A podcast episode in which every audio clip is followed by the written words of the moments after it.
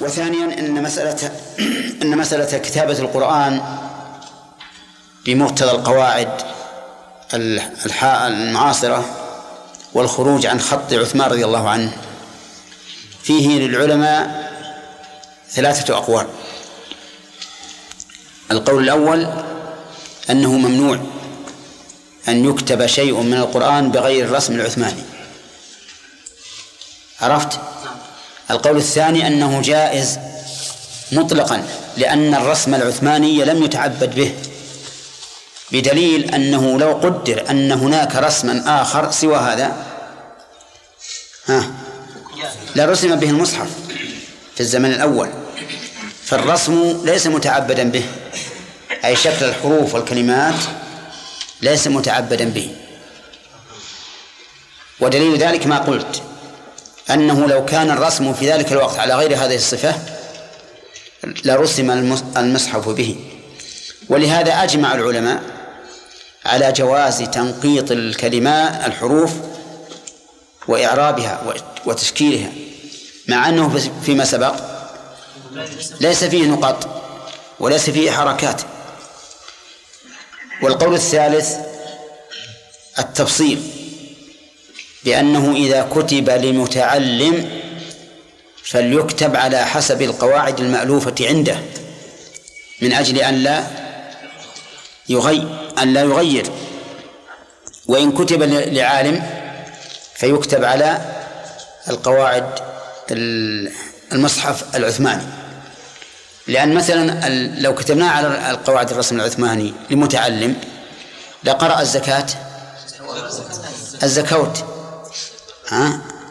ولا قرأ الصلاة الربا الربو. نعم وهكذا.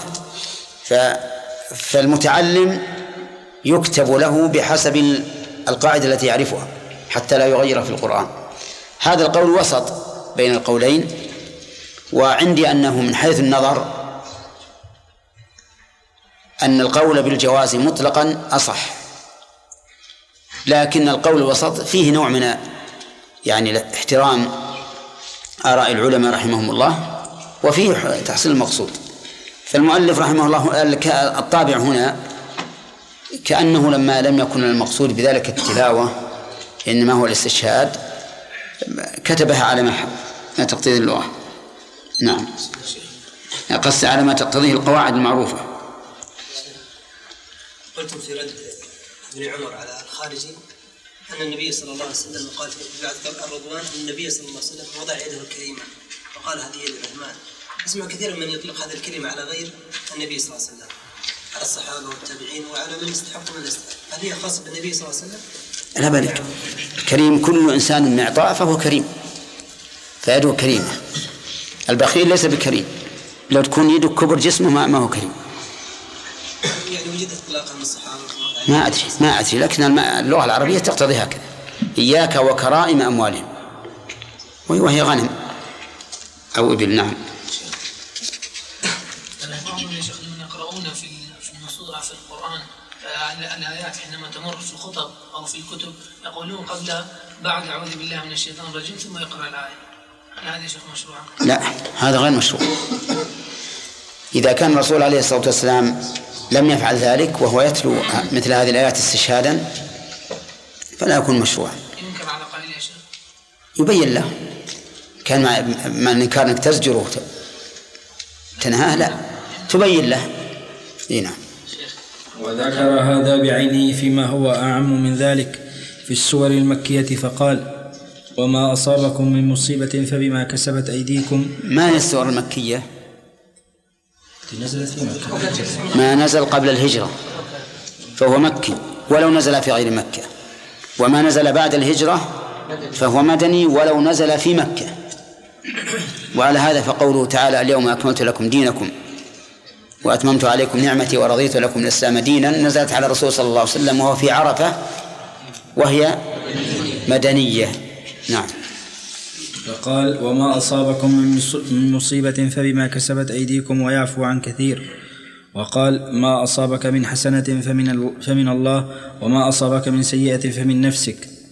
فالحسنة والسيئة ها هنا النعمة والمصيبة فالنعمة من الله من بها عليك والمصيبة إنما نشأت من قبل نفسك وعملك فالأول فضله والثاني عدله والعبد يتقلب بين فضله وعدله جار عليه فضله ماض فيه حكمه عدل, عدل فيه قضاؤه. وختم الآية الأولى بقوله إن الله على كل شيء قدير. بعد قوله قل هو من عند أنفسكم. إعلاما لهم بعموم قدرته مع عدله وأنه عادل قادر. وفي ذلك إثبات القدر والسبب. فذكر السبب فذكر السبب وأضافه إلى نفوسهم. وذكر عموم القدرة وأضافها إلى نفسه. فالأول ينفي الجبر والثاني ينفي القول بإبطال القدر. فهو يشاكل قوله لمن شاء منكم أن يستقيم وما تشاءون إلا أن يشاء الله رب العالمين. الله أكبر. واضح؟ ما في إشكال. طيب. المؤلف رحمه الله يقول في الآيات المكية نزلت موافقة لما نزلت لما نزل في الآيات المدنية. وما أصابكم من مصيبة فبما كسبت أيديكم ما يعفو عن كثير. ما أصابك من حسنة فمن الله وما أصابك من سيئة فمن نفسك. انتبه يا خالد. وما أصابك من سيئة فمن نفسك يعني أنت السبب وإلا فهي كلها من الله. يقول فالحسنة والسيئة ها هنا النعمة والمصيبة. النعمة يعني الحسنة والسيئة المصيبة. فالنعمة من الله من بها عليك والمصيبة إنما نشأت من قبل نفسك وعملك. فالأول وهو النعمة فضله والثاني عدله. عدله لأنه جازاك بما بما عملت وهذا عدل. يقول والعبد يتقلب بين فضله وعدله. فضل من؟ فضل الله. وعدله عدل الله.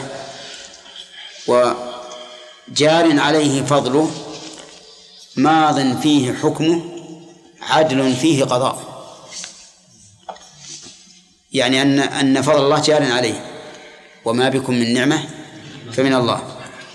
آه، ماض فيه حكمه كما قال الله تعالى له الحكم وإليه ترجعون.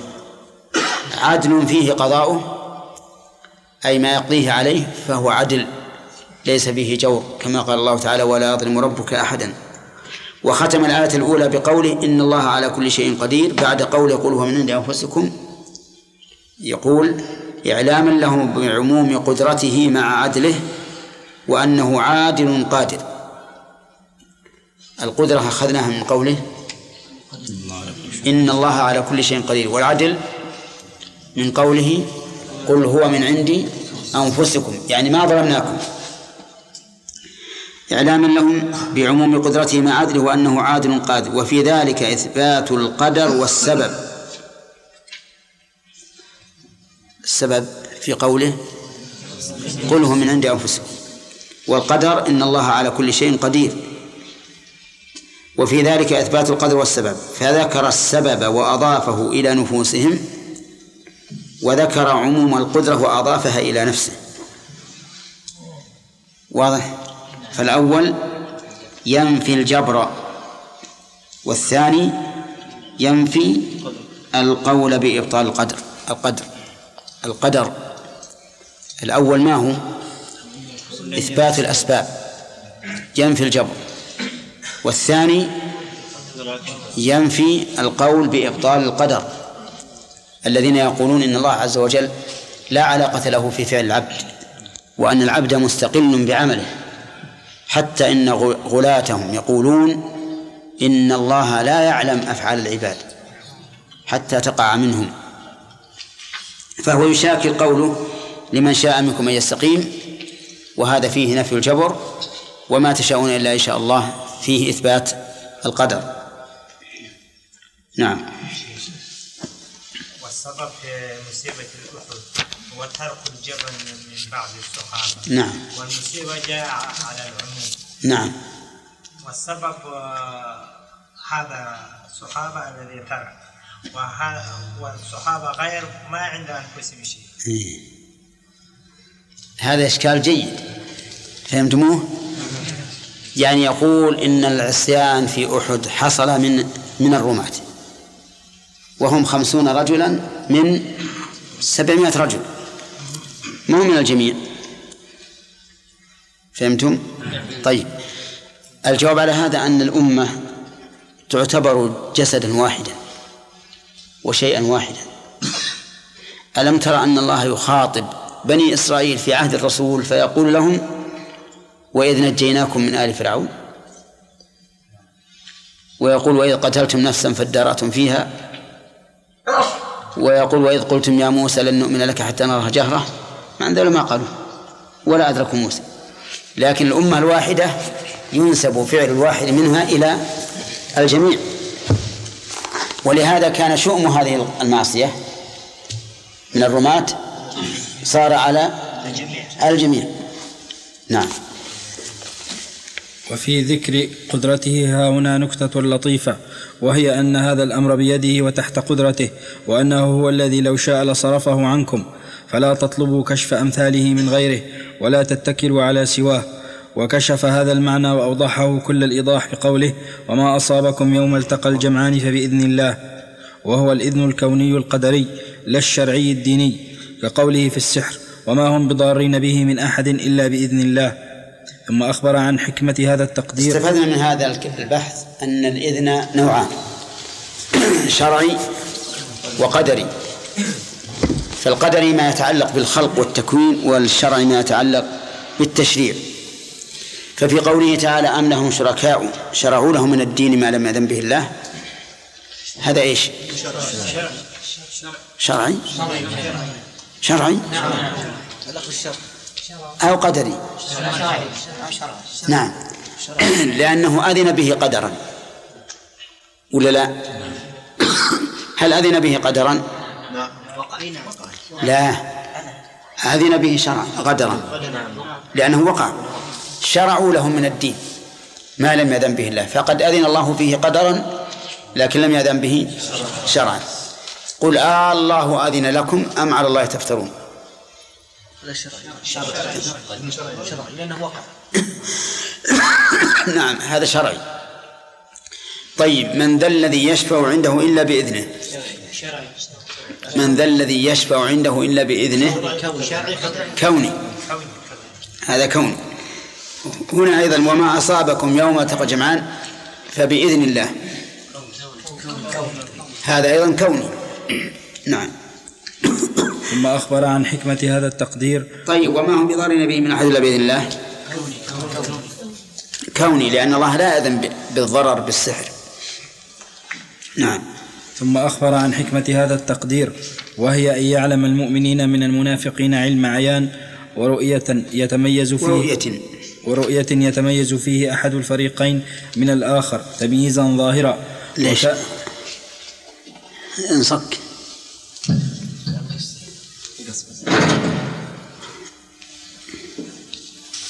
وكان من حكمة هذا التقدير تكلم المنافقين بما هو ينزل راسه هذا؟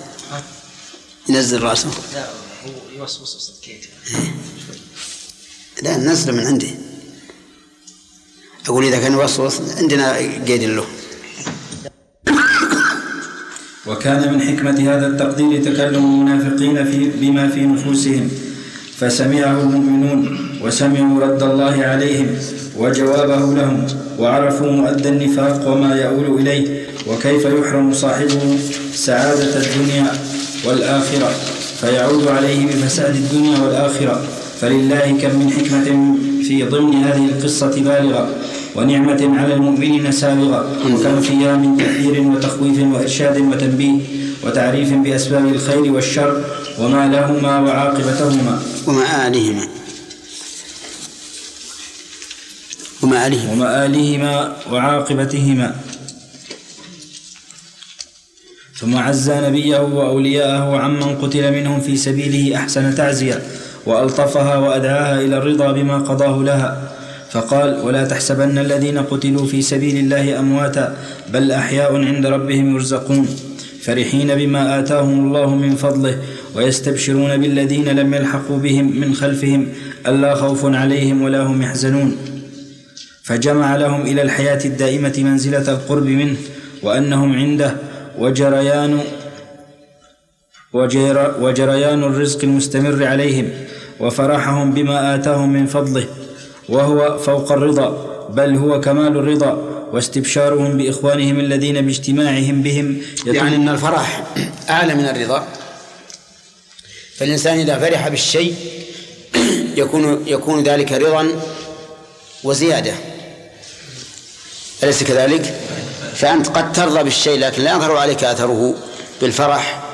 لكن إذا فرحت فهذا أكمل وأبلغ من الرضا. ولهذا قال فرحين بما آتاهم الله من فضله. في المؤمنين قال رضي الله عنهم ورضوا عنه.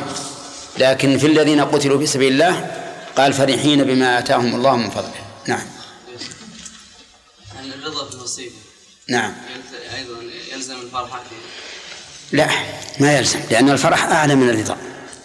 والشيء إذا كان أدنى لازم منه وجود الأعلى لكن إذا وجد الأعلى لازم وجود الأدنى.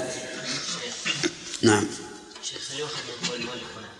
وأنزله منزلة القرب منزلة القرب منه منزلة القرب خاصة. ليست عامة لا ما يؤخذ لأنه ما أراد تقسيم القرب. والمؤلف رحمه الله يرى أن القرب ينقسم إلى عموم وخصوص. بخلاف شيخه شيخ الإسلام ابن تيمية فإنه لا يرى القرب إلا خاصا فقط. ويقول إن الله لا يقرب من الكافر أبدا إنما قربه من المؤمنين أو الداعين. أما آه، قربه من الكافر فلا بخلاف المعية. المعية مع كل أحد حتى الكفار ما يكون من نجوى ثلاث إلا هو رابعهم. وهو معهم إذ يبيتون ما لا يرضى من القول. وكان الله بما يعملون محيطا. وأما وأما القرب فلا يكون إلا للمؤمنين. وأجاب عن قوله تعالى ونحن أقرب إليه منكم ولكن لا تبصرون بأن المراد بذلك قرب الملائكة. وكذلك قوله تعالى ولقد خلقنا الإنسان ونعلم ما توسوس به نفسه ونحن أقرب إليه من حبل الوريد. قال المراد بذلك قرب الملائكة الذين يكتبون. وقال إن قوله إذ يتلقى هذه مقيدة لقوله أقرب. نعم. إيش؟ تعين. متعين الراجح هو الراجح. اي الراجح كلام شيخ الإسلام. كلام شيخ الإسلام ارجح خاص إيه أنه خاص فقط. نعم. واستبشارهم بإخوانهم الذين باجتماعهم بهم يتم سرورهم ونعيمهم واستبشارهم بما يجدد لهم كل وقت من نعمته وكرامته وذكرهم سبحانه في أثناء هذه المحنة بما هو من أعظم مننه ونعمه عليهم التي إن قابلوا بها كل محنة تنالهم وبلية تلاشت في جنب هذه المنة والنعمة. ولم يبق لها أثر البتة وهي منته عليهم بإرسال رسول من أنفسهم إليهم يتلو عليهم آياته ويزكيهم ويعلمهم الكتاب والحكمة وينقذهم من الضلال الذي كانوا فيه قبل إرساله إلى الهدى ومن الشقاء إلى الفلاح ومن الظلمة إلى النور ومن الجهل إلى العلم. فكل بلية ومحنة تنال العبد تنال العبد بعد حصول هذا الخير العظيم له أمر يسير جدا في جنب الخير الكثير. كما ينال الناس بأذى المطر في جنب ما يحصل لهم به من الخير فأعلمهم أن سبب المصيبة من عند أنفسهم ليحذروا وأنها بقضائه وقدره ليوحدوا ويتكلوا ولا يخافوا غيره وأخبرهم بما لهم فيها من الحكم لئلا يت... لئلا يتهموه في قضائه. ما لهم فيها. بما ما لهم لهم. فيه نعم. بما لهم فيها من الحكم لئلا يجوز أن يكون الصواب بما له فيها. نعم. يعني لو كتبت لعلها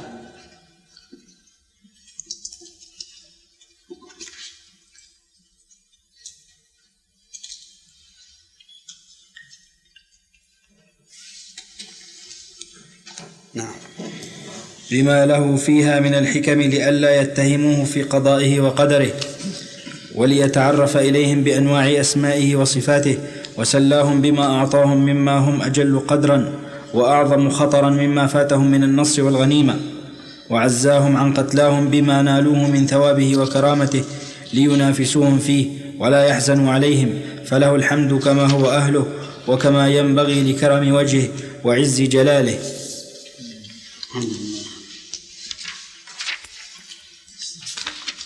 فصل. في في فصل. كان وقت أحد يوم السبت في سابع شوال سنة ثلاث كما تقدم. الله أعلم. ها؟ ولما انقضت الحرب. كيف؟ ما انتهى. صحيح. لا. ولا جئنا بالبخاري. وهذه العلة عندكم. العلة الموجبة أنكم ما جئتم بالبخاري. لا يرى أنه عام وخاص صرح به في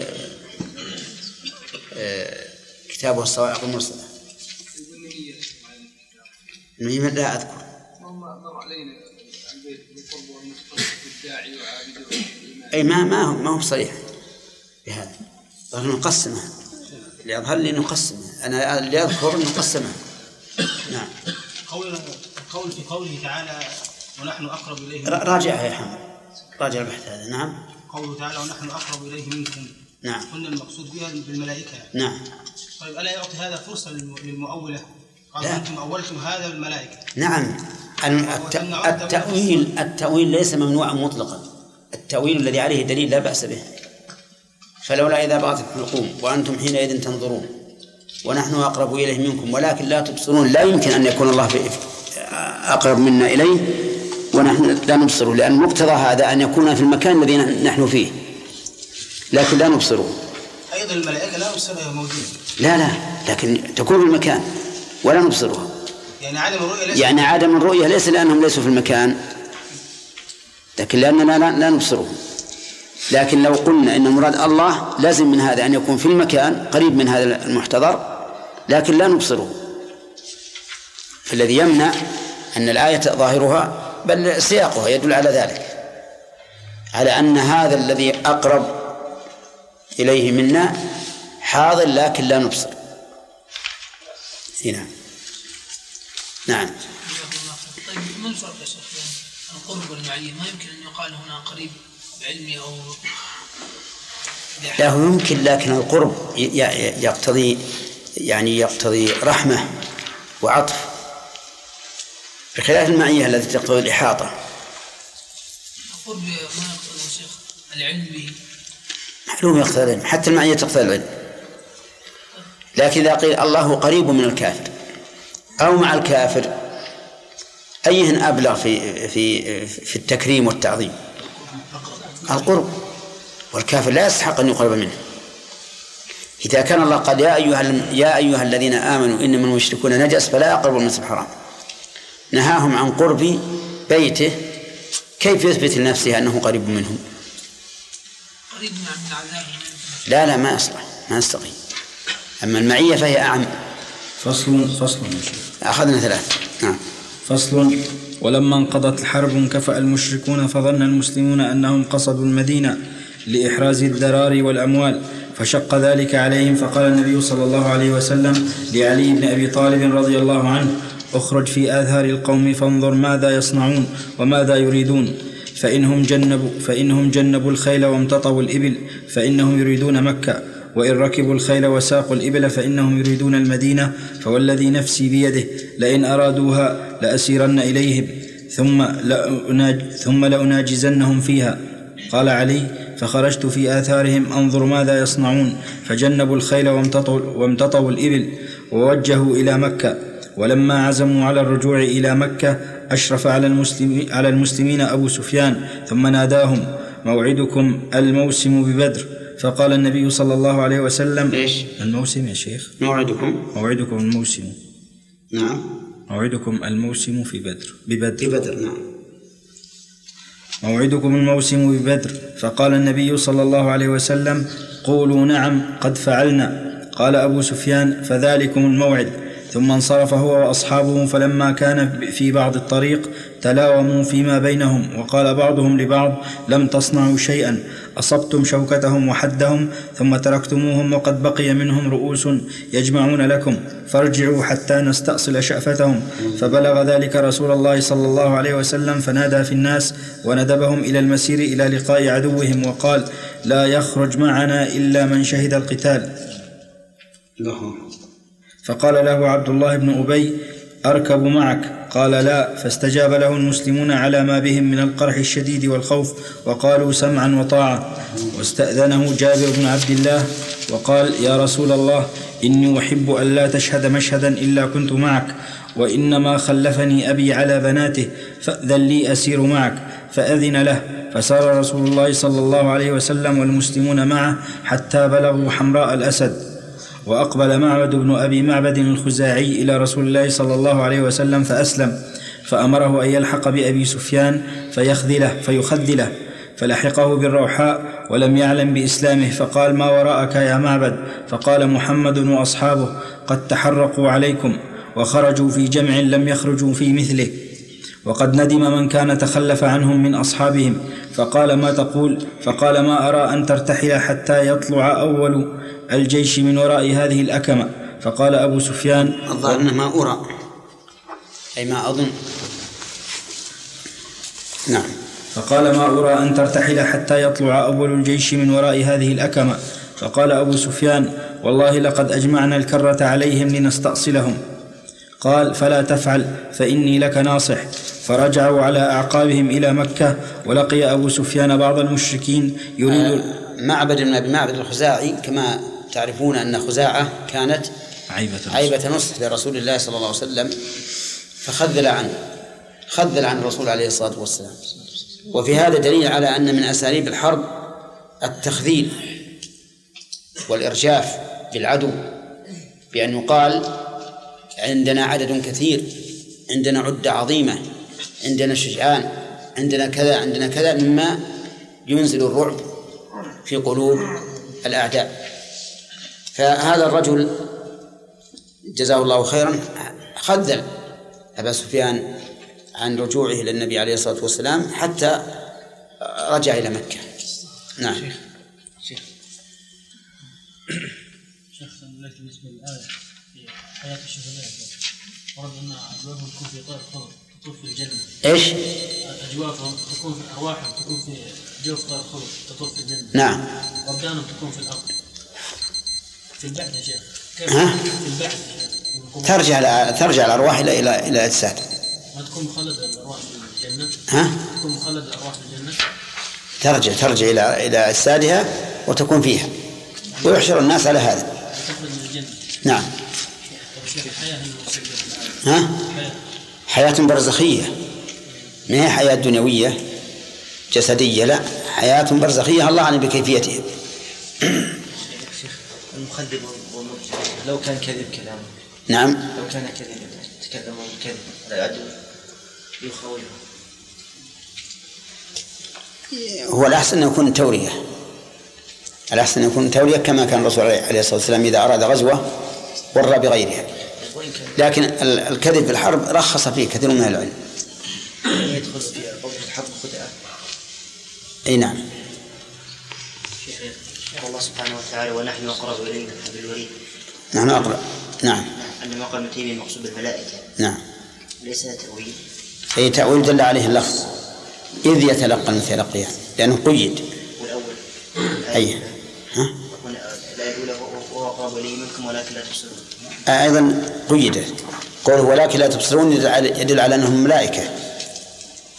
لأنهم هم الذين يمكن أن يكونوا قريبين من الميت ولا نبصرهم أما الله عز وجل فوق السماء. نعم. هل لك فقال هل لك أن تبلغ محمد الرسالة وأوقر لك راحلتك زبيبا إذا أتيت إلى مكة؟ قال نعم. قال أبلغ محمدا أنا قد أجمعنا الكرة لنستأصله ونستأصل أصحابه. فلما بلغهم قوله قالوا حسبنا الله ونعم الوكيل فانقلبوا بنعمة من الله وفضل لم يمسسهم سوء واتبعوا رضوان الله والله ذو فضل عظيم.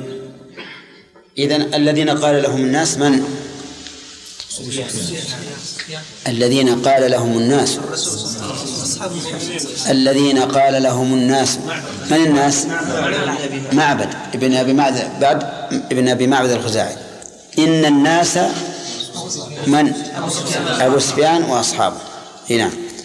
وفي هذه الآية استعمال العام مرادا به الخاص وهو كثير في القرآن.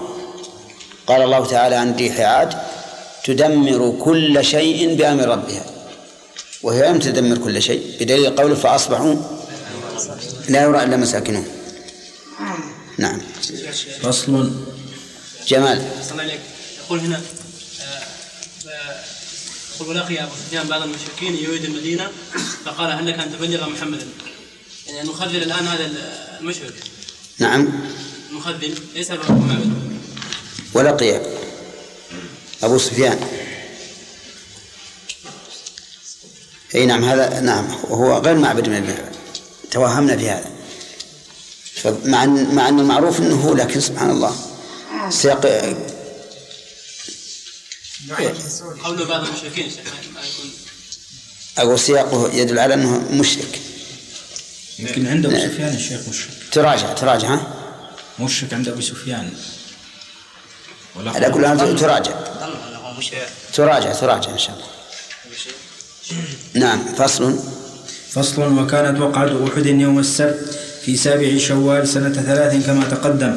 فرجع رسول الله صلى الله عليه وسلم إلى المدينة فأقام بها بقية شوال وذا القعدة وذا القعدة وذا القعدة وذا الحجة والمحرم. فلما استهل هلال المحرم بلغه أن طلحة وسلمة بن خويلد قد سارا في قومهما ومن أطاعهما يدعوان بني أسد بن خزيمة إلى حرب رسول الله صلى الله عليه وسلم فبعث أبا سلمة وعقد له لواء وبعث معه مئة وخمسين رجلا من الأنصار والمهاجرين فأصابوا إبلا وشاء ولم يلقوا كيدا فانحدر أبو سلمة بذلك كله إلى المدينة. فصل. انتهى انتهى يا شيخ تابع. نص نعم. تابع. لا لا مو هو أصل كل أي إن شاء الله. هل حين أعوذ بالله من الشيطان الرجيم. قال الله تبارك وتعالى ولقد نصركم الله ببدر وأنتم أذلة. هذا مبدأ الدرس. فوائد إيش؟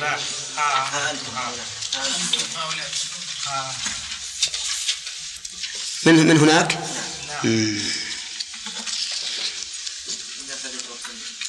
طيب.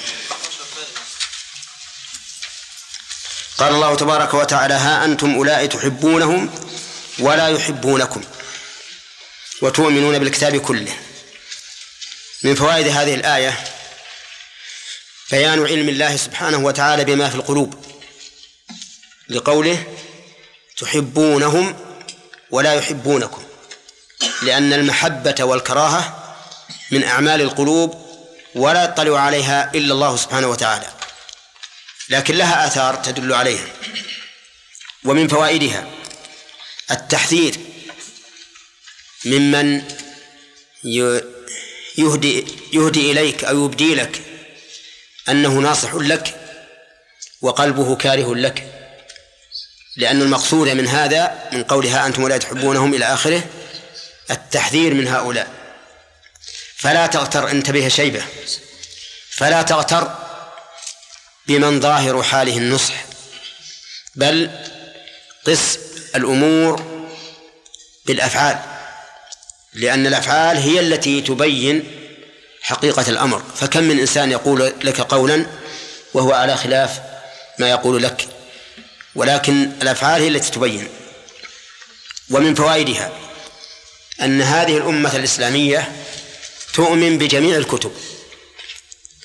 كقوله وتؤمنون بالكتاب كله. أما اليهود فيكفرون بالإنجيل ويكفرون بالقرآن. وأما النصارى فيكفرون بالقرآن. فيكفرون بالقرآن. ومع ذلك هم كفار.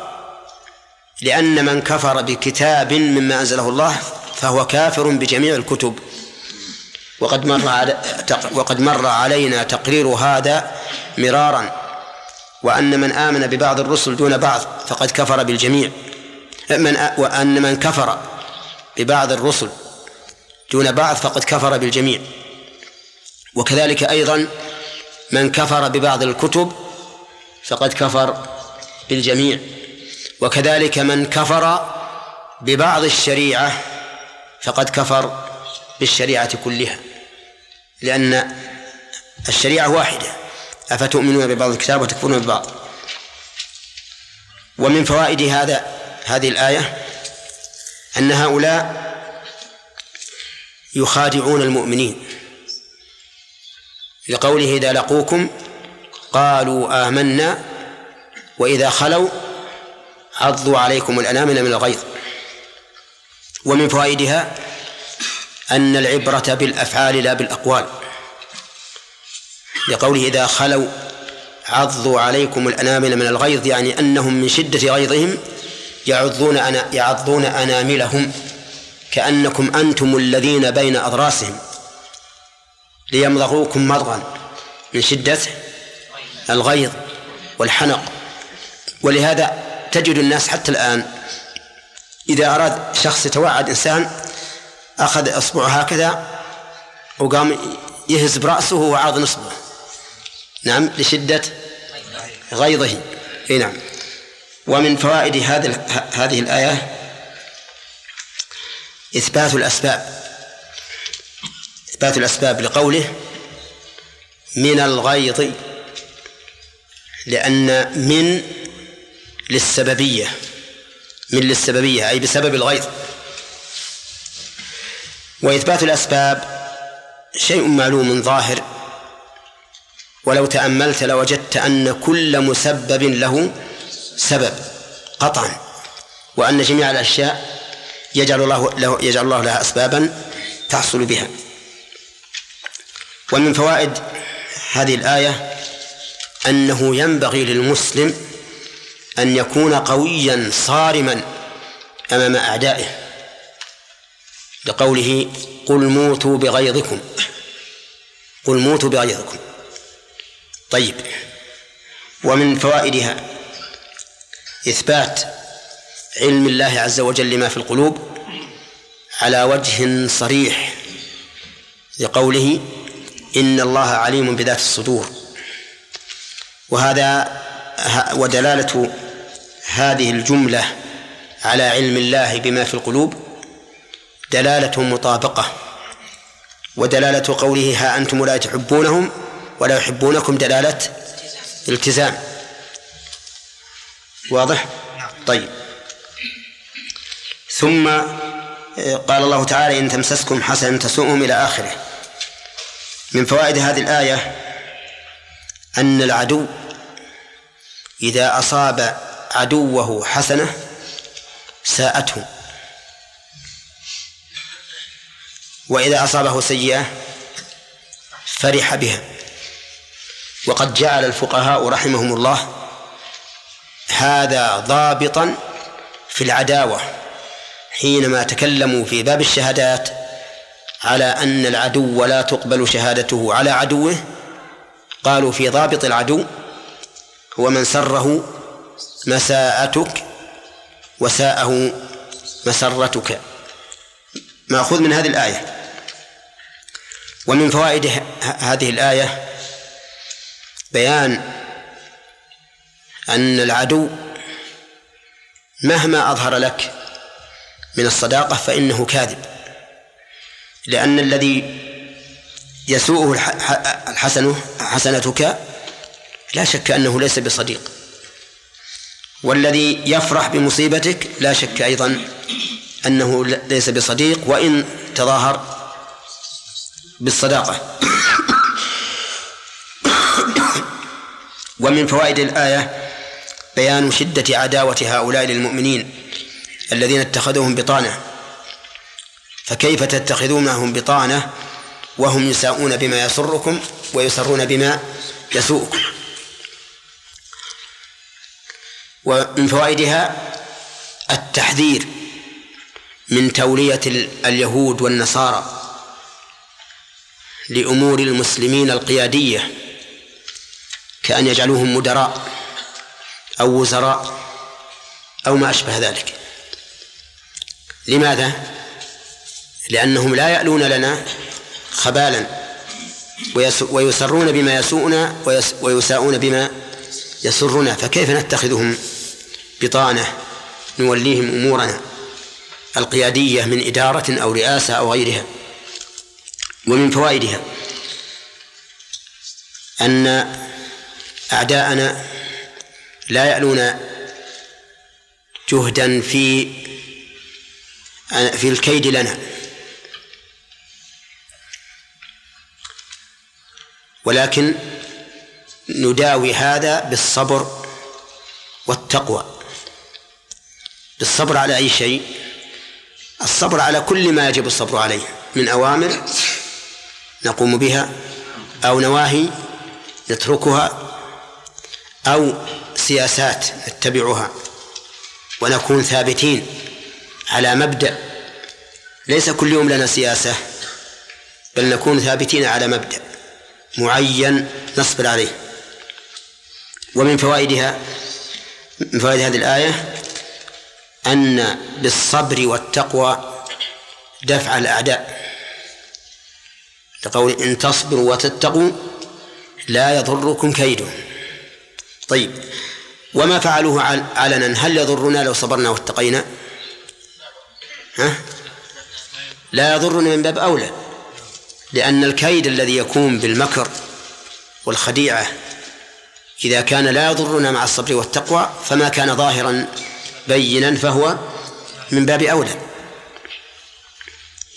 ومن فوائد الآية إحاطة الله سبحانه وتعالى بعمل هؤلاء. من أي ناحية؟ من حيث العلم فقط؟ في كل شيء في العلم والتدبير وإحباط أعمالهم وتدميرهم وغير ذلك فالله محيط بهم من كل وجه. ولكن قد يبتلي الله بهؤلاء الأعداء ويحصل من كيدهم ما يضر. لفوائد كثيرة منها أن ينال المسلمون الصبر على المؤذي وأن يرجعوا إلى الله عز وجل فيقيموا الدين ومنها أن من فوائدها أيضا أن العدو يطغى ويرتفع ويعلو فإذا بلغ القمة في العلو رمى به الله سبحانه وتعالى في السفل. فيكون نزوله من العلو إلى السفل أشد من نزوله من أثناء الطريق. ولهذا الذي يسقط من السقف يكون أشد ممن لو سقط من أثناء الدرج. فالله سبحانه وتعالى قد يملي للظالم حتى يتمادى في ظلمه وطغيانه حتى إذا ظن أنه بلغ القمة حط به إلى أسفل السافلين. فصار ذلك أشد وأعظم. وقد نبه الله على ذلك في سورة آل عمران فقال وليمحص الله الذين آمنوا ويمحق الكافرين. مع أنه في ذلك الوقت كان كان الظفر لمن؟ كان الظفر للمشركين في أحد. لكن جعل الله ذلك سببا لمحقهم. لأنهم إذا شموا رائحة النصر ازدادوا في طغيانهم. وقووا ثم تكون النكبة. ومن فوائدها أنه يجب على الإنسان أن ينتظر نصر الله عز وجل وأن يثق بوعده لقوله والله بما يعملون محيط. يعني فلا تظنوا أن أمرهم هذا كائن بدون قدرة الله عليه بل الله تعالى قادر عليه ومحيط به. ثم بين ثم قال عز وجل وإذ غدوت من أهلك تبوئ المؤمنين مقاعد للقتال إلى آخره. من هنا إلى آخر الآيات حوالي خمسين آية كلها في غزوة أحد.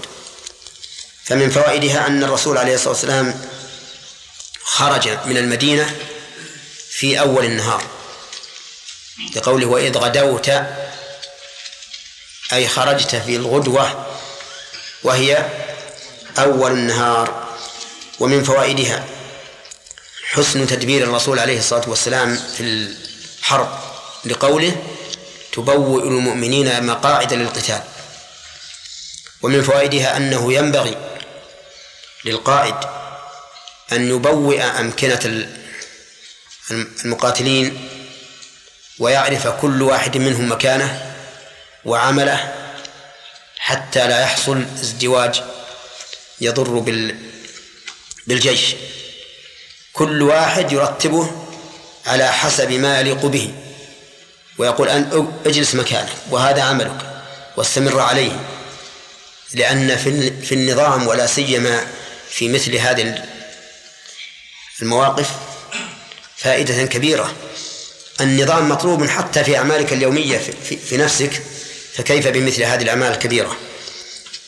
ومن فوائدها شهادة الله سبحانه وتعالى للذين خرجوا في أحد بأنهم مؤمنون. لقوله تبوئ المؤمنين مقاعد للقتال. لأن المنافقين انخزلوا قبل أن يصلوا إلى مكان القتال. فقد رجعوا من أثناء السير ومن فوائدها من فوائد الآية إثبات هذين الاسمين لله وهو وهما السميع والعليم. فالسميع يتعلق بالأصوات والعليم يتعلق بما هو أعم بما يدرك بالسمع وما يدرك بالبصر وغير ذلك. فالعليم هو من أوسع الأسماء دلالة. ثم قال إذ هم الطائفتان منكم أن تفشلا والله وليهما وعلى الله فليتوكل المؤمنون. في هذا في هذه الآية دليل على أن طائفتين من المؤمنين همتا بالفشل ولكن الله ثبتهما. همتا بالفشل أن يرجع كما رجع المنافقون. وفيه من فوائدها أن الدعاية ولو كانت باطلة ربما تؤثر حتى على المؤمن. ومن فوائدها أن أن الله سبحانه وتعالى قد يلطف بالمؤمن حتى يثبته على الحق. لقوله والله وليهما.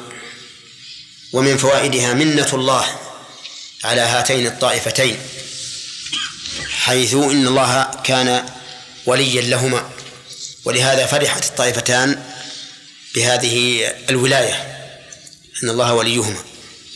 ومن فوائدها وجوب التوكل على الله وأنه من مقتضى الإيمان لقوله وعلى الله فليتوكل المؤمنون ومن فوائدها أنه ينبغي للإنسان أن يتوكل على الله لا سيما في هذه المواطن التي يشتد فيها الأمر على المسلم بل على المؤمن وأن لا ينظر إلى الأمور نظرا ماديا لأن وراء الأمور المادية وراءها ما هو أعظم منها وهي قدرة الله سبحانه وتعالى التي تقضي على كل هذه الأمور المادية إنما أمره إذا أراد شيئا أن يقول له كن فيكون. ومن فوائد الآية أنه كلما قوي الإيمان قوي التوكل على الله. لقوله على الله فليتوكل المؤمنون. بناء على قاعدة معروفة وهي أن ما علق على وصف يقوى بقوته ويضعف بضعفه. ثم قال الله تعالى ولقد نصركم الله ببدر وأنتم أذلة. هذا مبتدأ درس الليلة. طيب. يقول الله عز وجل مبينا نعمته على النبي صلى الله عليه وسلم وأصحابه بل وعلى الأمة جمعاء لأن انتصار النبي صلى الله عليه وسلم وأصحابه انتصار لجميع الأمة إلى يوم القيامة. بل إن انتصار الرسل السابقين انتصار للمؤمنين إلى يوم القيامة. ولهذا صام النبي صلى الله عليه وسلم عاشورا شكرا لله على نعمته بإنقاذ موسى وقومه وإهلاك فرعون وقومه. وقال اليهود نحن أولى بموسى منكم. يقول عز وجل ولقد نصركم الله ببدر والجملة هذه مؤكدة بأمور ثلاثة الأول القسم المقدر والثاني اللام والثالث قد. لأن التقدير والله لقد نصركم والله لقد نصركم الله. والنصر هو أن يجعل الغلبة لهؤلاء على هؤلاء. فمن جعل الله لهم الغلبة فقد نصرهم. وللنصر أسباب. للنصر أسباب خمسة. أولا الإخلاص لله. بقول الله تعالى وعد الله الذين آمنوا منكم وعملوا الصالحات ليستخلفنهم في الأرض كما استخلف الذين من قبلهم وليمكنن لهم دينهم الذي ارتضى لهم وليبدلنهم من بعد خوفهم أمنا يعبدونني لا يشركون بي شيئا. والثاني إقامة الصلاة. والثالث إيتاء الزكاة. والرابع الأمر بالمعروف. والخامس النهي عن المنكر. لقول الله تعالى ولا ينصرن الله من ينصره. إن الله لقوي عزيز. الذين إن مكناهم في الأرض أقاموا الصلاة وآتوا الزكاة وأمروا بالمعروف ونهوا عن المنكر. فالأسباب خمسة. عدها يا خالد. الإخلاص لله عز وجل. ودليله وعد الله الذين آمنوا منكم وعملوا الصالحات ليستخلفنهم في الأرض كما استخلف الذين من قبلهم. إلى آخر الآية. و... وش نعم. نريد الشاهد إلى قوله. يعبدونني لا يشركون بي شيئا نعم. الثانية إقامة الصلاة. الثالثة إيتاء الزكاة. الرابعة الأمر بالمعروف. والخامسة النهي عن المنكر. من قول الله تعالى الذين إن مكناهم أقاموا الصلاة. إن مكناهم في الأرض. إن مكناهم في الأرض أقاموا الصلاة وآتوا الزكاة. وأمروا بالمعروف والنهي عن المنكر. نعم. يقول عز وجل لقد نصركم الله ببدر. الباء هنا بمعنى في. فهي للظرفية. ولا غرابة أن تأتي الباء للظرفية كما في قوله تبارك وتعالى وإنكم لتمرون عليهم مصبحين وبالليل. يعني وفي الليل. فقول ببدر أي في بدر. وبدر مكان معروف. ولا يزال حتى الآن معروفا بين مكة والمدينة. وسبب هذه الغزوة أن النبي صلى الله عليه وسلم لما سمع بعير لقريش قدمت من الشام ندب ندب أصحابه ندب أصحابه إلى الخروج إليها لأخذها لأن قريشا أخرجوا النبي صلى الله عليه وسلم وأصحابه من ديارهم وأموالهم وهم حرب على رسول الله صلى الله عليه وسلم فكانت أموالهم حلا للرسول صلى الله عليه وسلم. فندب أصحابه أن يخرجوا إليهم وخرجوا في عدد قليل وعدة ضعيفة. خرجوا نحو ثلاثمائة رجل وبضعة عشر رجلا على سبعين بعيرا. وفرسين فقط يتعاقبونها الرجلان على بعير والثلاثة على بعير على أنهم يريدون إيش؟ العير.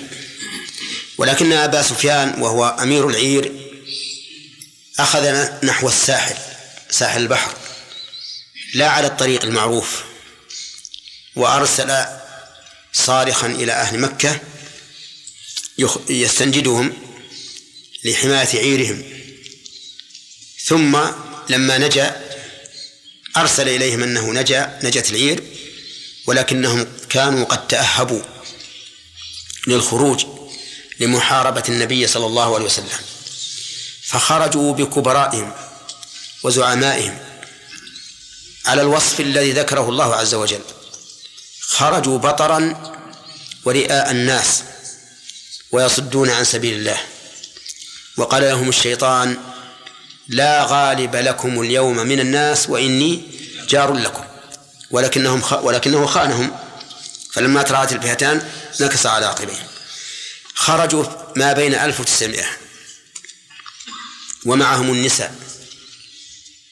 لأجل أن يشتد قتالهم خوفا على نسائهم. لأنهم خرجوا بالنساء وجعلوهن بالخلف. فحصلت المعركة بين النبي صلى الله عليه وسلم وبين هؤلاء المشركين. وكان النبي عليه الصلاة والسلام وأصحابه في قلة قلة عدد وعدد ولكن الله سبحانه وتعالى نصرهم. ولهذا قال ولقد نصركم الله ببدر وأنتم أذلة. أذلة جمع ذليل كأعزة جمع عزيز. طيب أذلة من أي ناحية؟ من ناحية العدد ومن ناحية العدد. فثلاثمائة وبضعة عشر رجلا بالنسبة لتسعمائة إلى ألف يعني أقل من الثلث.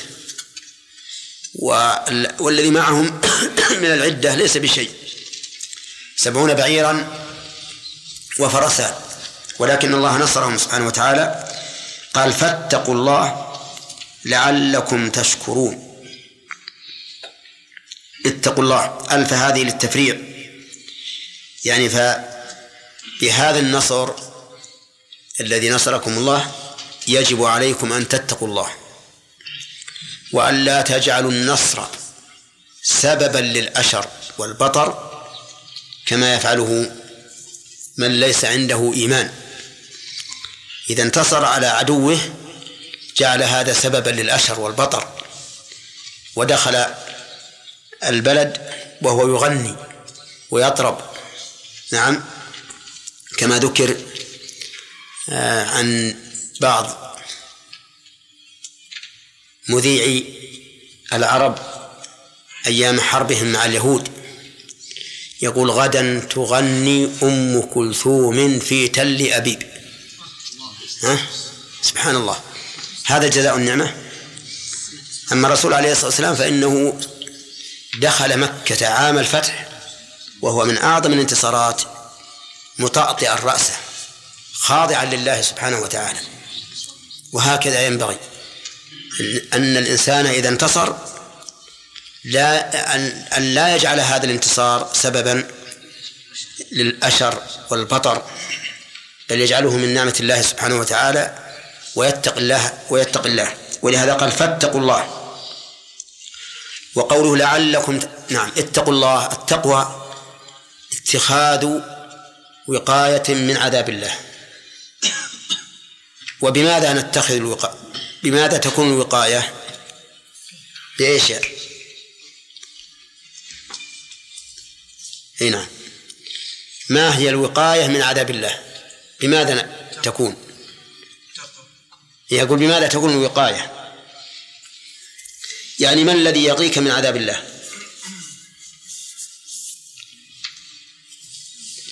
نعم. نعم. فعل الأوامر واجتناب النواهي. فإذا سألنا سائل ما هي التقوى؟ قلنا هي فعل الأوامر وترك النواهي. لأنك إذا فعلت الأوامر واتقيت النواهي وتركت النواهي فقد أخذت بالوقاية من عذاب الله سبحانه وتعالى. وقول لعلكم تشكرون لعل هنا للتعليل أي لأجل أن تنالوا شكر الله. فالتقوى هي الشكر شكر لله التقوى في الحقيقة شكر لله عز وجل. أي من أجل أن تنالوا الشكر أي درجة الشاكرين. وشكر النعمة يكون حجاج بإيش؟ شكر النعمة يكون بامتثال أمر الله يعني بعمل الأعمال الصالحة واجتناب الأعمال السيئة نعم قال ابن القيم شكر الله في ثلاثة أمور بشكر بالقلب وباللسان وبأن تصرف في طاعة الله عز وجل. إيه. يكون بالقلب واللسان والجوارح الشكر يكون بالقلب واللسان والجوارح أما شكر القلب فأن تعتقد بأن هذه النعم من الله فضلا منه ومنه وأنه ليس لك من منها إلا فعل السبب الذي أذن لك فيه. وأما حقيقتها فهي من الله تؤمن بذلك. ولا تكون كما قال القائل إنما أوتيته على علم عندي. بل قل, بل قل أوتيته بفضل الله ورحمته حتى وإن كان من عملك. أي نعم. أما إذا كان من فعل الله فهذا واضح أن كل إنسان ينسب إلى الله. ومع ذلك من الناس من لا ينسب ما كان من فعل الله إلى الله. إذا حصل المطر قال مطرنا بنوء كذا وكذا. ولهذا قال زيد بن خالد الجهني رضي الله عنه صلى بنا رسول الله صلى الله صلى الله عليه وسلم في الحديبية على إثر سماء كانت من الليل يعني على إثر مطر.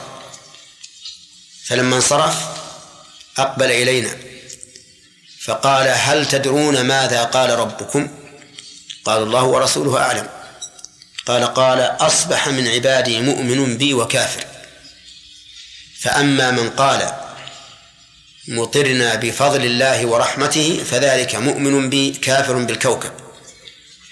وأما من قال مطرنا بنوع كذا وكذا فذلك كافر بي مؤمن بالكوكب. إذن لابد أن تعتقد في قلبك أن النعمة ممن شاكر. من الله. وأن ما يحصل منك في جلب هذه النعمة ما هو إلا سبب مأذون فيه من الله عز وجل. طيب. ثانيا اللسان. أن تثني بها على الله. لا أن تقولها فخرا على عباد الله بل تثني فتقول الحمد لله الذي أعطاني كذا وكذا لقول الله تعالى وأما بنعمة ربك فحدث. ثالثا أن تعمل بجوارحك بطاعة الله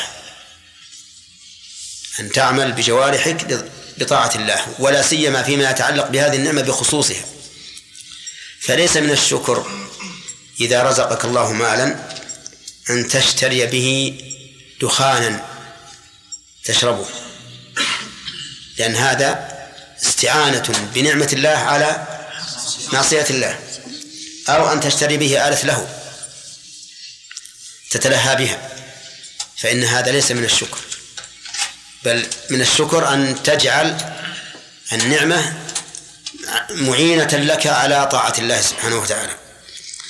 وقد قال أحد الشعراء أفادتكم النعماء مني ثلاثة يدي ولساني والضمير المحجبة يدي هذه الجوارح ولساني القول الثناء على الله بالنعمة والضمير المحجبة الاعتقاد. فاتقوا الله لعلكم تشكرون. ثم قال إذ تقول للمؤمنين ألن يكفيكم أن يمدكم ربكم بثلاثة آلاف من الملائكة منزلين؟ بلى إن تصبروا وتتقوا ويأتوكم من فورهم هذا يمددكم ربكم بخمسة آلاف من الملائكة مسومين. أولا في هذه الآية قولهم منزلين فيها قراءة سبعية منزلين. بتشديد الزاي. وقول مسومين فيها قراءة سبعية أيضا. مسومين بالبناء للمجهول. طيب. يقول إذ تقول للمؤمنين الخطاب للنبي صلى الله عليه وسلم. وهذا من الخطابات التي تختص برسول الله صلى الله عليه وسلم. وقد مر علينا أن الخطابات الموجهة لرسول الله صلى الله عليه وسلم تنقسم إلى ثلاثة أقسام. الأول ما دل الدليل على أنه خاص به. والثاني ما دل الدليل على أنه عام للأمة. والثالث ما لم يدل عليه الدليل. لا هذا ولا هذا. فما دل الدليل على أنه خاص به؟ ها؟ فهو خاص به. مثل هذه الآية. إذ تقول للمؤمنين علي يكفكم وإذ تقول للذي أنعمت عليه للذي أنعم الله عليه وأنعمت عليه. هذا خاص. ألم نشرح لك صدرك؟ هذا خاص. يا أيها الرسول بلغ ما أنزل إليك من ربك. هذا أيضا خاص وإن كان الأمة يشمله يجب عليها التبليغ من جهة أخرى. الثاني ما دل الدليل على العموم. ما دل الدليل فيه على العموم كقوله تعالى يا أيها النبي إذا طلقتم النساء فطلقوهن لعدتهن. هذا واضح أنه أنه عام لأنه قال يا أيها النبي إذا طلقتم فوجه الخطاب أولا للنبي صلى الله عليه وسلم ثم عمم في الحكم فقال إذا طلقتم. الثالث ما لم يدل الدليل عليه. لا هذا ولا هذا فهو عام. فهو عام بلا شك حكمه عام. لكن هل الخطاب عام من حيث اللفظ أو لا؟ الذي يظهر أنه عام حتى من حيث اللفظ. وذلك لأن الخطاب للإمام خطاب لمن تبعه. ولهذا لو قال لو قال الوزير مثلا للقائد اذهب إلى الجهة الفلانية. كان ذلك الخطاب له ها؟ ولمن كان تحت إمرته. ولمن كان تحت إمرته. كذلك الخطاب إذا وجه للرسول عليه الصلاة والسلام ولم يدل الدليل على أنه خاص به فهو شامل له وللأمة جميعا. وقال بعض العلماء إنه لا يشمل الأمة وأن الخطاب له وحده ولكن على الأمة الاتباع. ولكن على الأمة الاتباع. وأنتم إذا تأملتم وجدتم أن الخلاف قريب من اللفظ لأننا لأنهم متفقون على أن الحكم عام. لكن هل الأمة تدخل في ضمن هذا الخطاب أو تدخل في بخطاب آخر لأنها مأمورة بالاتباع. هذا محل الخلاف والحقيقة أنه إذا تأم أنك إذا تأملته وجدت أنه قريب من الخلاف اللفظي. بارك الله فيك. بعض الناس يكثر من الأشياء المباحة حتى يخشى عليه الإسراف فإذا نصحته قال وأما بنعمة ربك. اي نعم. نقول له ولا تسرفوا إنه لا يحب المسرفين. نحن لسنا نقول لك إذا كنت غنيا فاخرج في ثياب الفقراء ولا تأكل إلا ما يأكل الفقراء. نقول كل كل ما يأكل الأغنياء والبس ما يلبس الأغنياء لكن لا تسرف. نعم. كثر الطائفتان من المسلمين. إيش؟ كثر الطائفتان من المسلمين. طائفتان. نعم. وكانت إحداهما تغنم ما تأخذ من الأخرى من سلاح هل يحل الأخرى أن تغنم كذلك؟ ما فهمت المسلمين أليسوا لا- يغنمون؟ إيش؟ أموال المسلمين أليست لا تغنم؟ لا تغنم أي في حال قتال إذا إذا- كان ينظر في القتال ما هو يعني مثل إذا كان لعصبية أو رئاسة أي نعم فلا شك انه إنه ظلم ولا يجوز ولا تحل به الأموال ولا النفوس. أما إذا كان بغي فيجب ان إن الباغي يقاتل حتى يفيء عن بغيه. لكن كما قال الله عز وجل. لكن يؤخذ سلاحه. نعم. يؤخذ سلاحه. معلوم يؤخذ سلاح لأن لأننا لو- قتلناه وقدرنا على أخذ السلاح ولم نأخذه ارتد علينا به.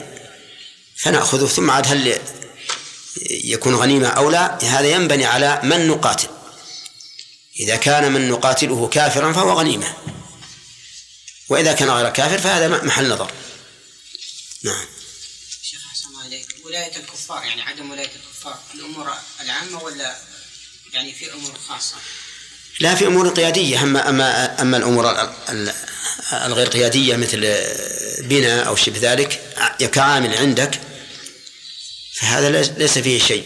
إلا في هذه الجزيرة العربية فإنه لا ينبغي ان أن يجلب إليه الكفار. لأن النبي عليه الصلاة والسلام أمر بإخراجهم من جزيرة العرب. وقال ويل للعرب من شر قد اقترب.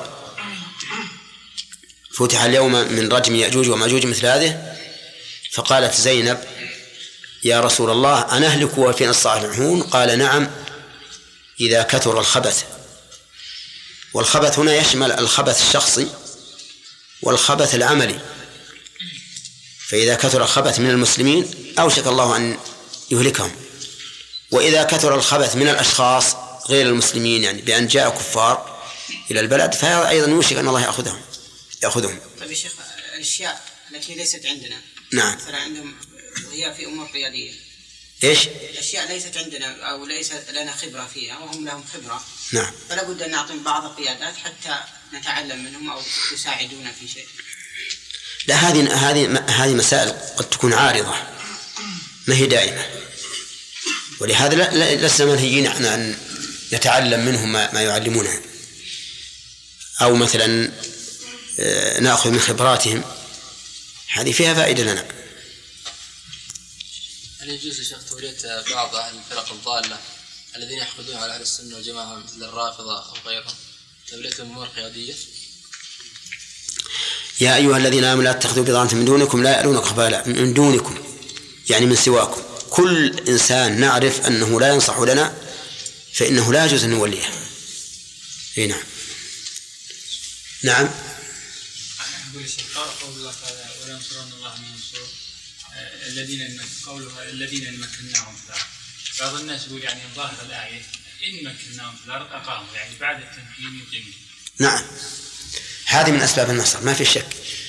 يعني؟ فإذا علم الله أن هؤلاء القوم من من نيتهم أنهم إذا إذا مكنوا من الأرض أقاموا الصلاة هذا من أسباب النصر. يعني ولو كان حالهم مو بلازم الحال التي قبل النصر. لأن الذي هذه إرادته قبل الانتصار فهو عليها من بلا شك. نعم بالنسبة لقول الله تعالى لعلكم لعلكم تشكرون.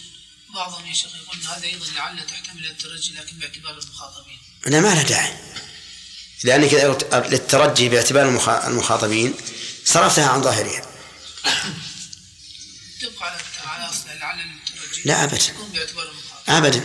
هي للتعليل فهي للتعليل أقوى يعني كون التقوى سبب. للشكر هذا أقوى بلا شك. يعني خطأ يصير بس. إي نعم نعم. هذا خطأ. متى يكون إضافة المطر إلى الزمن جائزة؟ إيش؟ إضافة المطر إلى الزمن جائزة متى يكون؟ إذا إذا أضفت المطر إلى الزمن باعتباره ظرفا له لا سببا له. يعني مثل قلت مطرنا في نوع كذا. يعني مطرنا مثلا في نوع الشولة.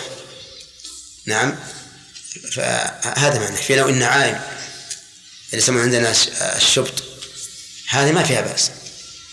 ولهذا قال العلماء يحرم أن يقول مطرنا بنوع كذا ويجوز أن يقول مطرنا في نوع كذا.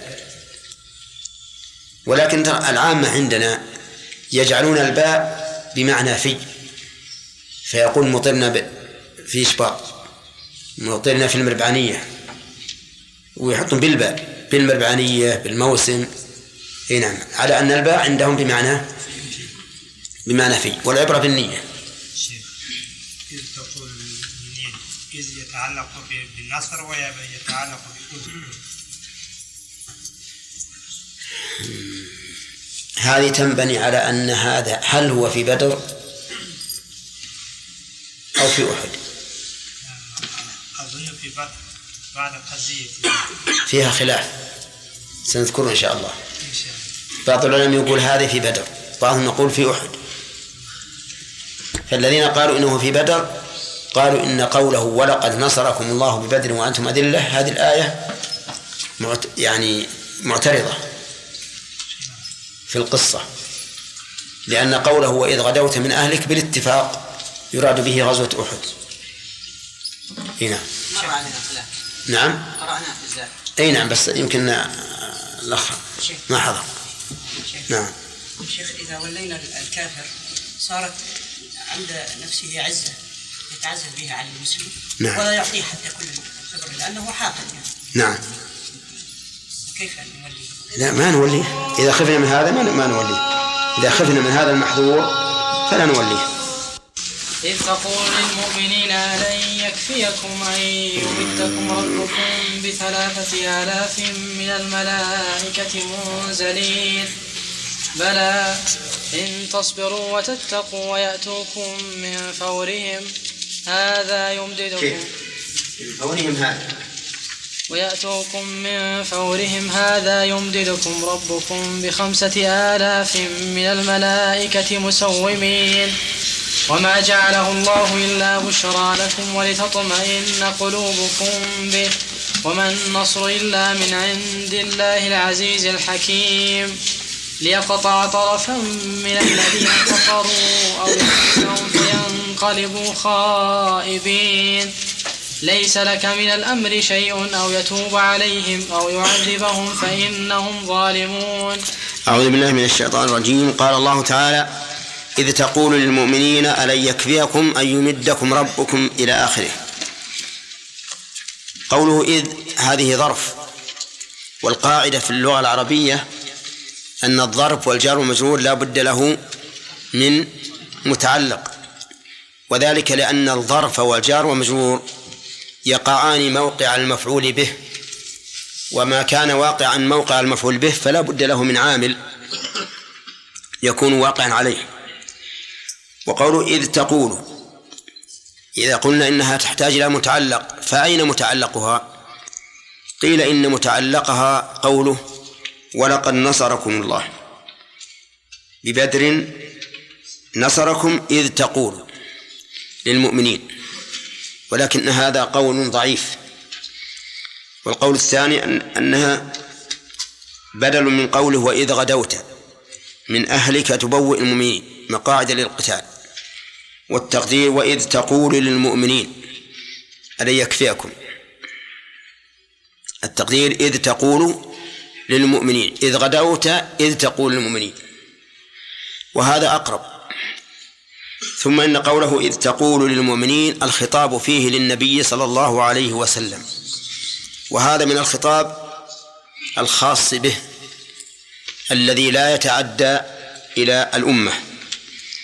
وقول للمؤمنين يعني بهم الصحابة رضي الله عنهم ووصفهم بالإيمان دون الصحبة لأنه أعني الوصف بالإيمان هو مناط النصر في كل وقت حتى فيما بعد الصحابة. فإن الله ينصر الذين آمنوا. ألن يكفيكم ألن يكفيكم هذه؟ مقول القول أي تقول لهم هذا الكلام ألن يكفيكم أن يمدكم ربكم بثلاثة آلاف من الملائكة منزلين؟ قال أهل العلم إن الصحابة رضي الله عنهم بلغهم أن المشركين صار بعضهم يمد بعضا على قتال النبي صلى الله عليه وسلم وأصحابه. فقال لهم الرسول عليه الصلاة والسلام ألن يكفيكم أن يكون كافيا لكم هذا الأمر أن يمدكم ربكم بثلاثة آلاف من الملائكة منزلين. بثلاثة آلاف من الملائكة الملائكة هم عالم غيبي خلقهم الله تعالى من نور ووجه لهم عبادات وأعمالا يقومون بها لا يعصون الله فيها ويفعلون ما يؤمرون. فليس عندهم استكبار تكون به المعصية وليس عندهم عجز يكون به تخلف الفعل. بل هم سامعون مطيعون قادرون على تنفيذ أمر الله. بخلاف البشر فإن فإنه يكون عندهم استكبار فيعصون الله. ويكون عندهم عجز فلا يقدرون على تنفيذ أمر الله. أما الملائكة فعندهم قوة لا لا يعجزون عن امتثال أمر الله. وعندهم انقياد تام فلا يعصون الله سبحانه وتعالى. وقوله بثلاثة آلاف من الملائكة منزلين. منزلين من أي مكان؟ من السماء. لأن الأصل أن مكان الملائكة السماء. ولكن هناك ملائكة يكونون مع الإنسان كالكرام الكاتبين والحفظة الذين يتعاقبون على الإنسان ملائكة بالليل وملائكة بالنهار. وإلا فالأصل أنهم في السماء. وقوله منزلين فيها قراءتان. منزلين ومنزلين. فعلى قراءة التخفيف تكون من أنزل وعلى قراءة التشديد تكون من نزل. والمعنى واحد معنى واحد. والذي ينزلهم هو الله سبحانه وتعالى لأنهم ينزلون بأمره. قال الله تعالى بلى بلى هذه لإثبات أو للتقرير تقرير الاستفهام ألم ي... ألن يكفيكم؟ بلى. يعني يكفيكم أن يمدكم ربكم بثلاثة آلاف من الملائكة المنزلين وحجاج أظنه ليس معنا اليوم. ها؟ بالقلب أو بالجسم؟ نعم. طيب. يقول بلى يعني يكفيكم هذا هذا الإمداد لكن بشرط إن تصبروا وتتقوا ويأتوكم من فورهم هذا يمددكم ربكم بأكثر مما قلت لهم. فالنبي عليه الصلاة والسلام قال ألن يكفيكم أن يمدكم؟ بثلاثة. لكن إن صبرتم واتقيتم أمدكم الله بأكثر. ولهذا قال يمددكم ربكم بخمسة آلاف. فها هنا شيئان. ثلاثة آلاف من الملائكة هذا وعد به الرسول عليه الصلاة والسلام. خمسة آلاف من الملائكة زائدة على الثلاثة هذا تكفل الله به لكن بشرط الصبر والتقوى شرط الصبر والتقوى. وقوله ويأتوكم من فورهم هذا أن يأتوكم من الجهة التي جاءوكم منها في وقت مبادر لأن الفور بمعناه معناه المبادرة بالشيء. فالمعنى أنهم إذا باغتوكم وأتوكم من فورهم فإنه يمددكم بخمسة آلاف من الملائكة المسومين فالشروط إذن ثلاثة. الصبر الثاني والثالث أن يأتوهم من فورهم هذا. فإن الله يمدهم بخمسة آلاف من الملائكة ليسوا منزلين فقط بل مسومين أي معلمين علم الجهاد وعلم القتال. وهذا أبلغ من مجرد الإنزال. فالله سبحانه وتعالى تكفل بالزيادة وهذا يعود إلى الكمية وتكفل بالقوة والشجاعة وهذا يعود إلى الكيفية. وقوله مسومين نعم أي معلمين بعلامات القتال لأن العادة أن الشجعان يجعلون لهم علامات فوق لامة الحرب. حتى يعرف بها الشجاع الشجاع من غيره. هذه الآية أو هذا الإمداد اختلف أهل العلم. هل هذا في بدر أو في أحد؟ فإن كان في بدر ففيه إشكال. حيث إن الله تعالى ذكر أن الله أمدهم في بدر بألف من الملائكة. فقال إذ تستغيثون ربكم فاستجاب لكم أني ممدكم بألف من الملائكة مردفين. وهنا قال منز... ثلاثة آلاف وخمسة آلاف. لكن جمعوا بينهما بأنه لا مانع أن الله استجاب لهم فأمدهم بألف من الملائكة ثم زيد فيهم إلى ثلاثة آلاف ثم زيد فيهم إلى خمسة آلاف إذا تمت الشروط. وبناء على هذا القول يكون قوله إذ تقول متعلق بنصر متعلق بنصر. والقول الثاني أن هذه الآية في أحد وليست في بدر. لأن الذي في بدر كان الأمر فيها غير مشروط. إذ تستغيثون ربكم فاستجاب لكم أني ممدكم بألف من الملائكة مردفين. وهذه مشروط. ولم يحصل الشرط فلم يحصل المشروط.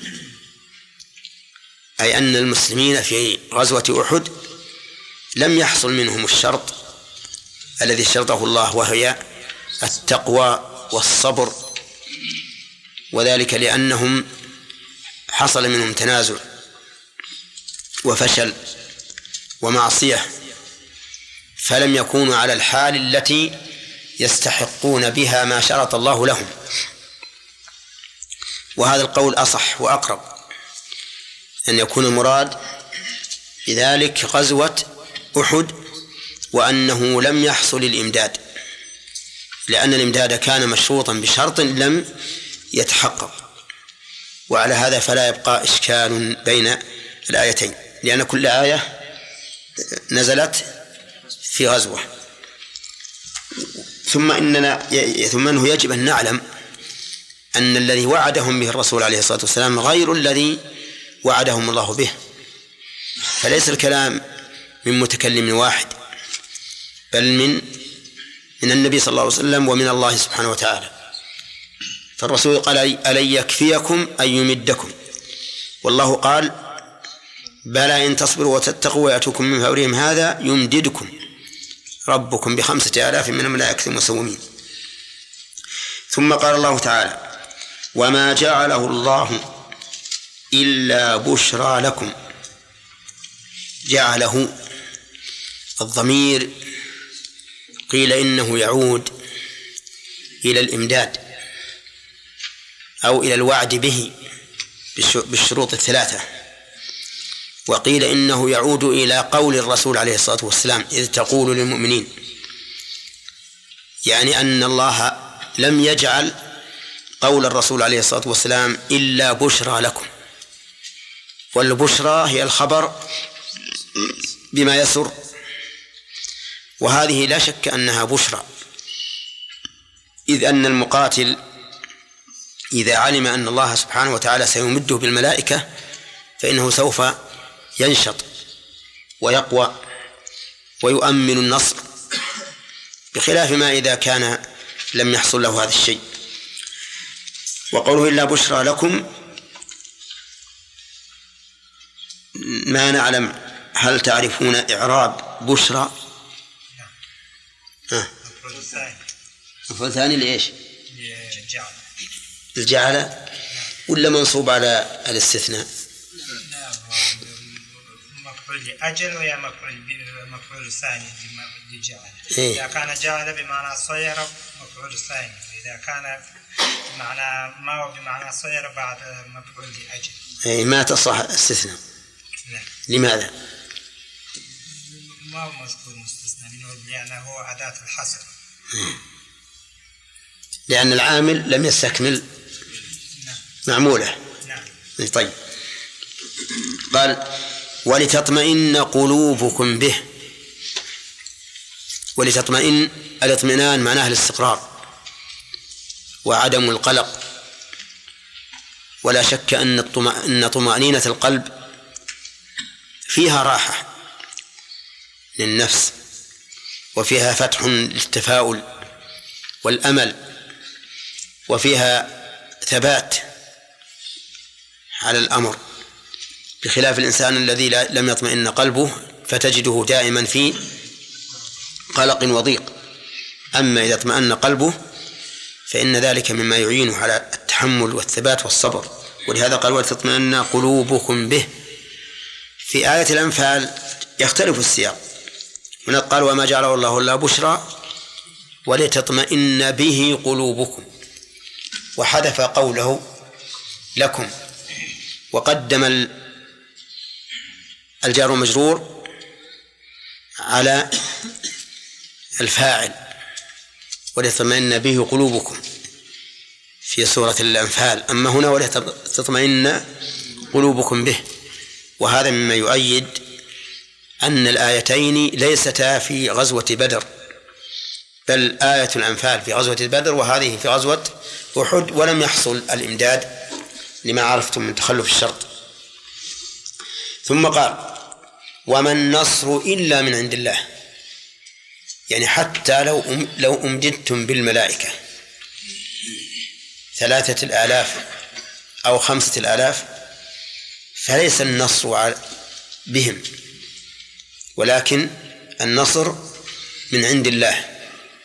وهو الذي يهيئ أسباب النصر. هو الذي يهيئ أسباب النصر.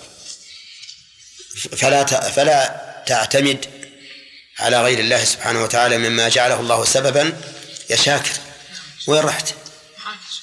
مما جعله الله تعالى سببا في في, في النصر. قال إلا من عند الله العزيز الحكيم. العزيز يعني ذو العزة وعزة الله سبحانه وتعالى ثلاثة أنواع عزة القدر وعزة القهر وعزة الامتناع. عزة القدر يعني الشرف والسيادة. والفضل مثل أن تقول هذا الشيء عزيز وجوده يعني أنه منفرد بالصفات الكاملة عن غيره. عزة القهر